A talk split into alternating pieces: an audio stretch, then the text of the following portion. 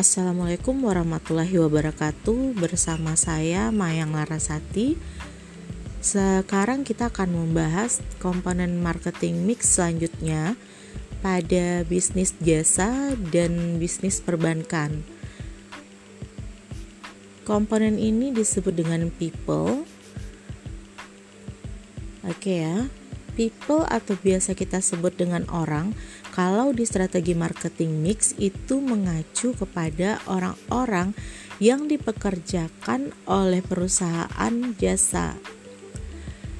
Termasuk juga di perbankan. Bank itu mempekerjakan banyak orang dari bagian depan uh, ada satpam, ada satpam layanan sampai Anda masuk ke dalam ada customer service, ada teller, sampai ada back office-nya itu banyak sekali jumlah orang yang dipekerjakan di bank. Menurut James Collins, uh, manusia atau orang atau karyawan kita itu merupakan aset paling penting dalam perusahaan. Sudut pandang ini menjelaskan bahwa mungkin kalau strategi lain uh, Anda mungkin bisa membuat bangunan bisa dibangun, peralatan bisa dibeli, tapi manusia itu punya karakteristik dan kekhasan tersendiri. Jadi eh, Anda harus membentuk karyawan Anda supaya memiliki kinerja dan profesional eh, profesionalisme yang baik ketika bekerja dengan Anda. Oke okay ya. Jadi people yang kita bahas di sini adalah orang-orang yang bekerja pada perusahaan jasa. Di dalam bisnis jasa itu jenis karyawannya ada dua, ada yang di front line atau di depan, lalu ada yang di backline atau di back office. Oke ya, dua jenis ini yang membedakannya adalah kesempatan mereka untuk bertemu atau berinteraksi dengan konsumen. Frontline atau front office atau bagian depan itu adalah employee atau karyawan yang bertemu langsung dengan si konsumen. Kalau di bank itu mulai dari satpam layanannya sampai customer service-nya, kemudian tellernya uh, sampai salesnya atau bagian marketingnya itu bertemu langsung dengan si konsumen. Nah, yang bersentuhan dan berhubungan langsung dengan konsumen itu disebut dengan frontliner. Sementara yang back office atau backline itu ada di belakang. Jadi kadang kita tidak ketemu dengan bagian administrasinya, bagian personalianya, bagian bagian pengelolaan yang di dalamnya uh, itu konsumen tidak menemukan nasabah tidak bertemu langsung dengan orang-orang tersebut.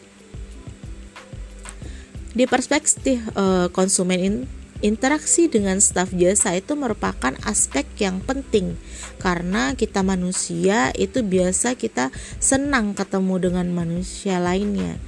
Walaupun dalam kenyataannya beberapa pekerjaan frontliner yang awalnya dikerjakan oleh manusia itu beberapa sudah dikerjakan oleh mesin misalnya.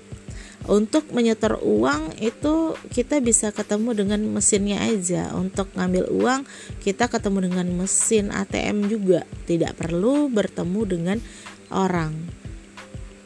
Frontliner atau employee bagian depan itu merupakan pengendali penting di dalam loyalitas konsumen dia mengantisipasi kebutuhan konsumen karena dia ketemu langsung dengan konsumen jadi dia tahu dia dengar langsung apakah keluhan dan kebutuhan dari si konsumen itu. Jadi dia bisa menyesuaikan bagaimana mendelivery jasa pelayanan tersebut kepada konsumen. Selain itu, frontliner juga membangun hubungan yang personal. Jadi eh, dia memang diupayakan untuk akrab dan melayani si konsumen dengan baik. Sementara dari perspektif perusahaan, frontliner adalah sumber daya penting keunggulan bersaingnya. Jadi perusahaan yang front uh, yang punya frontliner yang oke okay, pekerjaan baik itu merupakan keunggulan bersaing uh, dan sumber diferensiasi. Jadi unggul perusahaannya karena frontlinernya misalnya ramah, baik, sopan, cekatan. Nah, itu membuat image perusahaan akan menjadi baik sehingga frontliner itu seperti bagian inti dari layanan uh, dan frontliner itu sekaligus juga brand atau merek dari perusahaan tersebut. Karena kalau kita ketahui ada frontlinernya yang kasar misalnya atau uh, viral kurang ajar dengan konsumen itu yang buruk bukan hanya image si orangnya atau si frontlinernya tersebut tapi nama perusahaannya juga akan ikut-ikutan jelek. Seperti itu Nah, di dalam bank itu jalur untuk sumber daya manusia ini memiliki banyak kategori. Ada yang pegawai kontrak, ada uh, tetap. Yang tetap itu biasanya jalurnya ada jalur karir atau biasa disebut dengan manajemen training atau MT uh, eh, atau Officer Development Program atau program pengembangan staff atau BPS. Jadi istilahnya akan berbeda-beda. Intinya ini merupakan jalur karir yang dirancang oleh bank melalui uh, perekrutan yang baik uh, pelatihan yang baik sehingga akan menghasilkan karyawan yang bekerja dengan baik. Sehingga karyawan yang baik ini akan melayani konsumen dengan baik. Konsumen yang terlayani dengan baik itu akan puas dan terus mengkonsumsi jasa perbankan kita. Uh, seperti itu cara kerja untuk mempekerjakan pegawai yang baik. Oke okay ya di sisi lain, frontliner atau pekerja yang ada di baris depan dari perusahaan jasa itu memiliki berbagai tekanan. Karena mau tidak mau, mereka ada di garda terdepan, mereka yang ketemu langsung dengan si konsumen. Jadi kebayang ketika ada masalah, itu mereka yang akan menghadapinya langsung. Oke okay ya. Kondisi ini berlaku di frontliner di mana pun. Misalnya, Anda naik pesawat pun ketika Anda komplain dengan pesawatnya mungkin yang akan Anda uh, temui uh, berkeluh kesah itu kepada pramugarinya. Oke okay ya. Padahal bukan si pramugarinya yang menyebabkan berbagai permasalahan keterlambatan pesawat misalnya. Di perbankan juga seperti itu. Ketika Anda bermasalah misalnya jadi ATM Anda misalnya tertelan nih atau kartu kredit Anda bocor digunakan oleh oleh orang lain itu mungkin Anda akan komplainnya ke customer service-nya. Jadi frontliner ini memang pekerjaannya agak te tekanannya itu agak berat, uh, stressful juga gitu. Sehingga frontliner ini dibekali oleh perusahaan untuk menyenangkan konsumen, untuk bekerja yang baik, untuk bekerja profesional. Dia juga diajarkan untuk banyak menjual, mendatangkan keuntungan bagi perusahaan.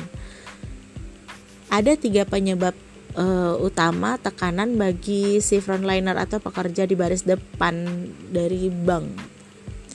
Yang pertama itu tekanan personal versus peran yaitu tekanan yang datang dari dalam.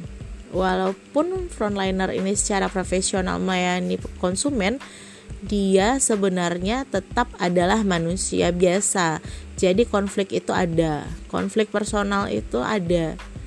Misal nih, situasi di rumah misalnya tidak mengenakan misalnya orang tuanya sakit atau e, keluarganya ada yang kemalangan gitu itu konflik personal sementara ketika dia bawa ke kantor itu dia melayani konsumen tetap harus profesional jadi konflik pro, e, personalnya itu memang konflik di dalam tapi ketika dikeluarkan uh, ketika di luar dia tetap harus profesional melayani konsumen itu yang pertama.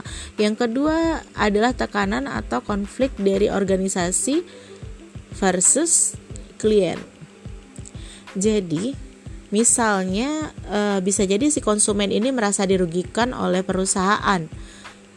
Misalnya, jadi e, si konsumen ini berhutang e, kepada pihak bank lalu mungkin telat membayarnya lalu misalnya ada denda yang terlalu besar yang harus dibayar oleh konsumen lalu konsumen ini merasa uh, dia itu diberatkan oleh denda yang luar biasa itu lalu dia komplain kemudian dia sedih misalnya lalu dia berkeluh kesah nah si frontliner ini sebagai manusia dia akan punya konflik di dalam dirinya. Di satu sisi dia harus menegakkan peraturan yang sudah dibikin oleh perusahaan di mana kalau ada keterlambatan dendanya memang segitu. Di sisi lain sebagai manusia dia juga kasihan.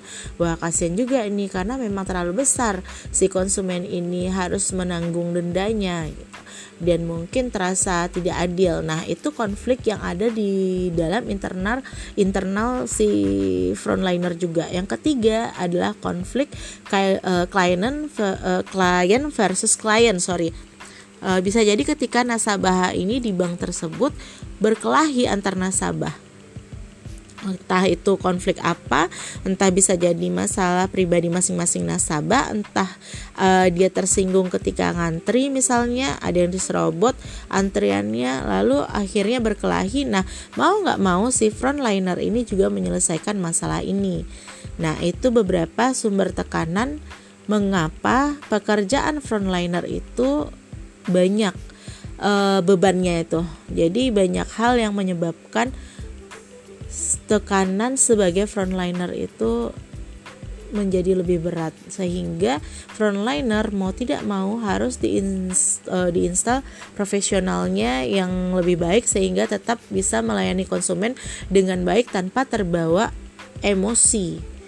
Walaupun kalau dipikir-pikir mereka uh, kadang terpaksa menghadapi konsumen yang emosional dengan tenang. Oke okay ya lanjut kita.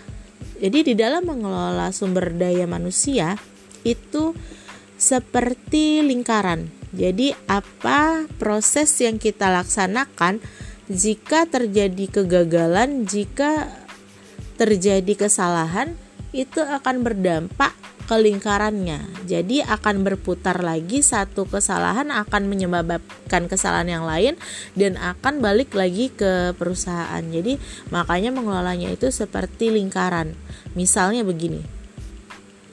Di dalam pengelolaan manusia di perusahaan itu aktivitas yang dilakukan mulai dari pertama adalah menganalisa kebutuhan karyawan kita apa, kita butuh karyawan yang bagaimana, spesifikasinya seperti apa, lalu kita rekrut karyawannya. Kita rekrut karyawannya, lalu mereka kita seleksi, seleksi sampai berbagai seleksi, wawancara, lalu kita terima.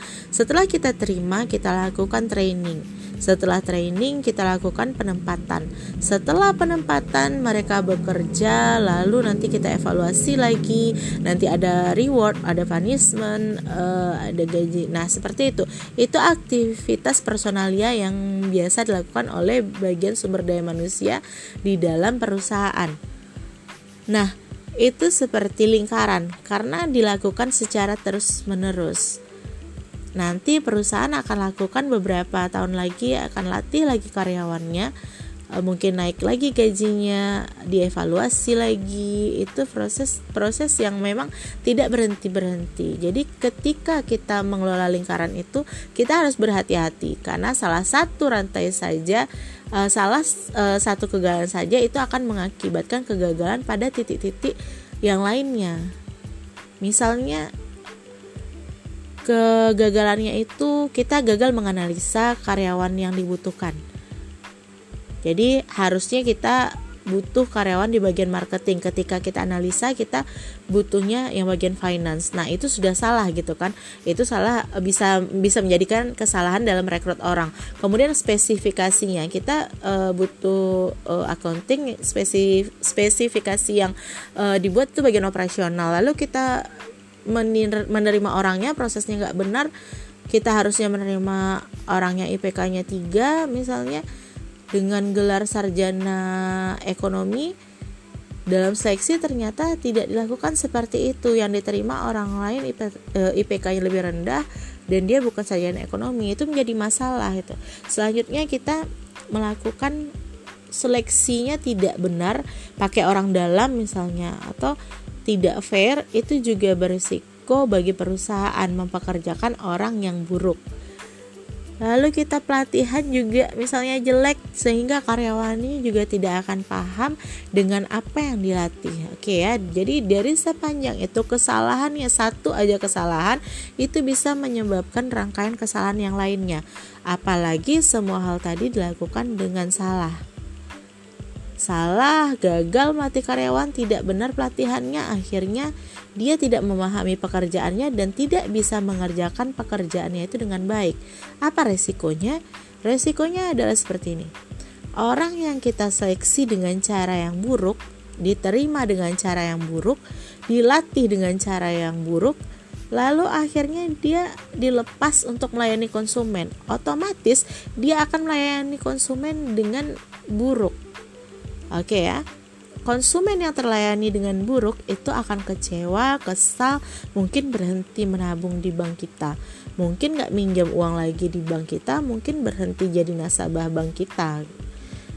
Nah, jadi dari hal tersebut itu sudah panjang resikonya otomatis konsumen kita akan berkurang mungkin dia akan mempengaruhi orang lain kita nggak perlu nabung di sana nggak usah pakai bank itu jelek ATM-nya jelek pelayanannya jelek Nah, akan berkurang lagi konsumen kita.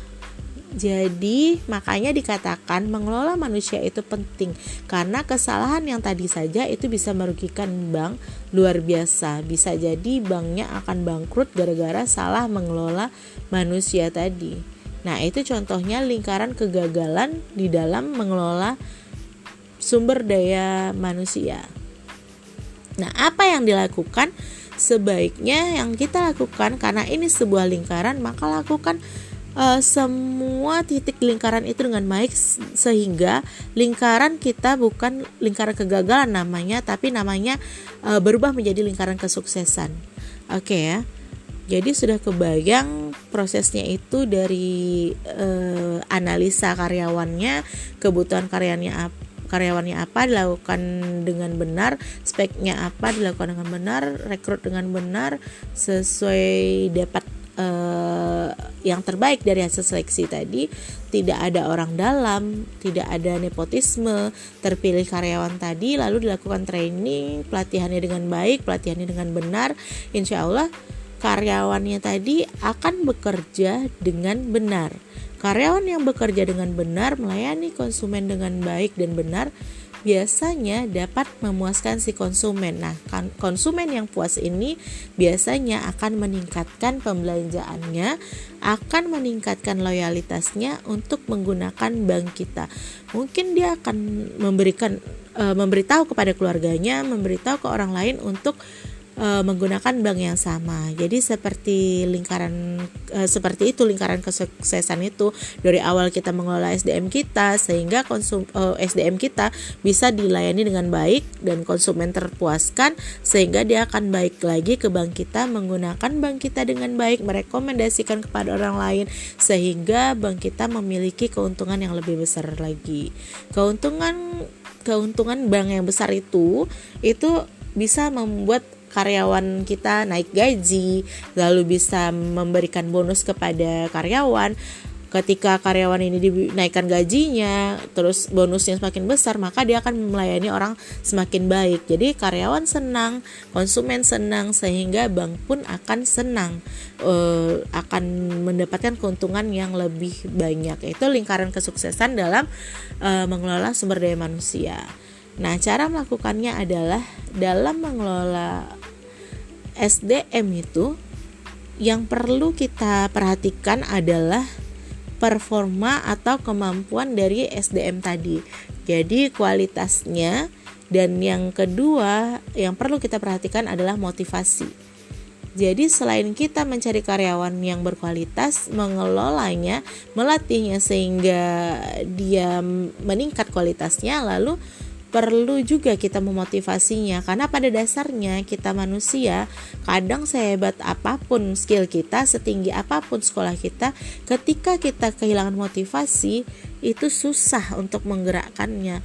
Makanya mengelola manusia yang perlu dinaikkan skillnya dan ditingkatkan e, motivasinya sehingga jelas cara meningkatkan skillnya, cara mendapatkan karyawan yang memiliki skill yang baik adalah rekrut dengan cara yang baik, lalu latih atau training dengan cara yang baik, sedangkan cara untuk memotivasi adalah diapresiasi mulai dari ucapan terima kasih sampai memberikan bonus, memberikan perhatian itu adalah motivasi dan memberi energi. Jadi pada dasarnya manusia itu butuh motivasi, butuh dorongan untuk melakukan sesuatu. Apalagi ini bekerja Eh, kebayang bahwa bekerja itu 20 sampai 40 tahun. Mungkin itu itu saja yang kita kerjakan. Jadi butuh hal lain untuk meningkatkan semangat kita. Nah hal itu adalah motivasi. Jadi orang yang mengelola manusia itu harus pintar untuk meningkatkan kemampuan seseorang dan mampu memotivasi orang lain uh, sehingga bisa memberikan kemampuan terbaiknya ketika bekerja di perusahaan kita seperti itu. Oke. Nah, ada sebuah pertanyaan. Jadi, bagaimana sih uh, kita memberikan pelatihan yang baik kepada karyawan tetapi uh, pada akhirnya karyawan tersebut tetap berpindah ke perusahaan lain. Jadi dia menjadikan perusahaan kita itu seperti batu loncatan. Nah, e, kita berikan dia pelatihan yang baik, lalu akhirnya dia pindah ke bank yang lain.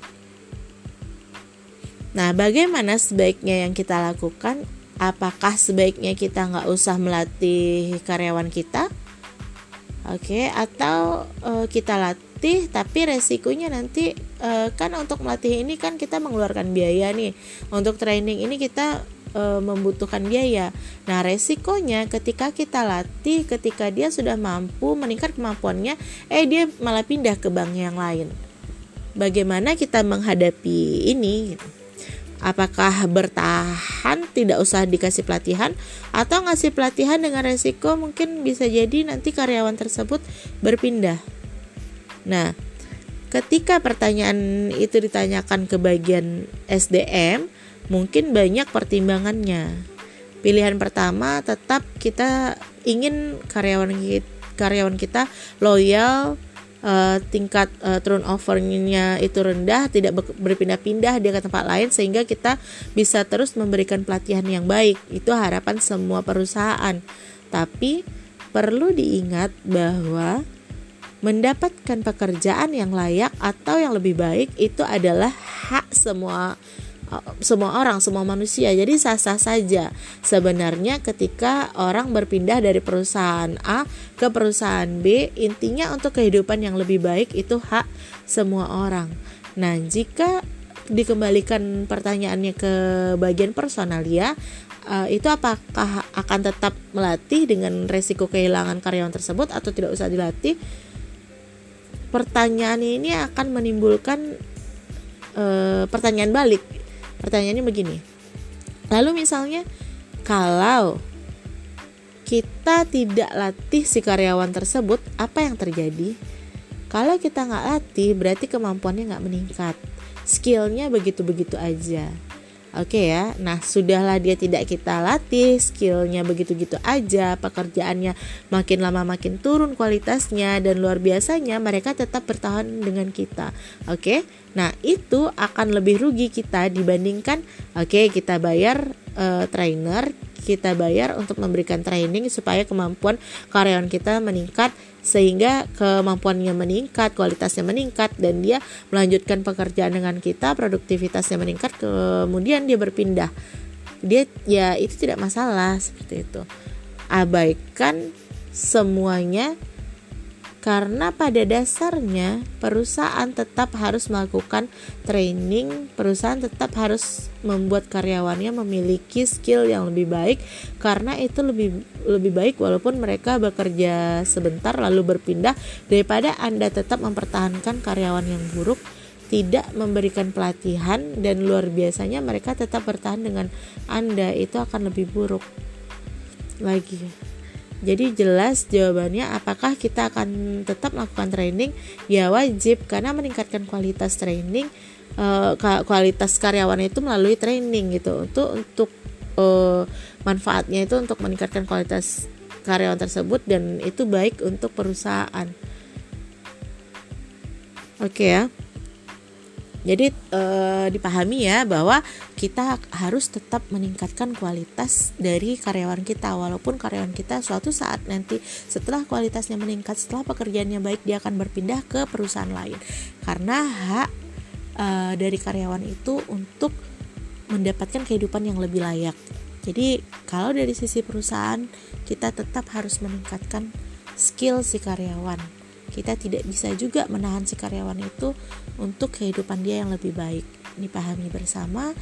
Uh, demikian perkuliahan kita hari ini. Wabillahi taufik wal hidayah. Wassalamualaikum warahmatullahi wabarakatuh.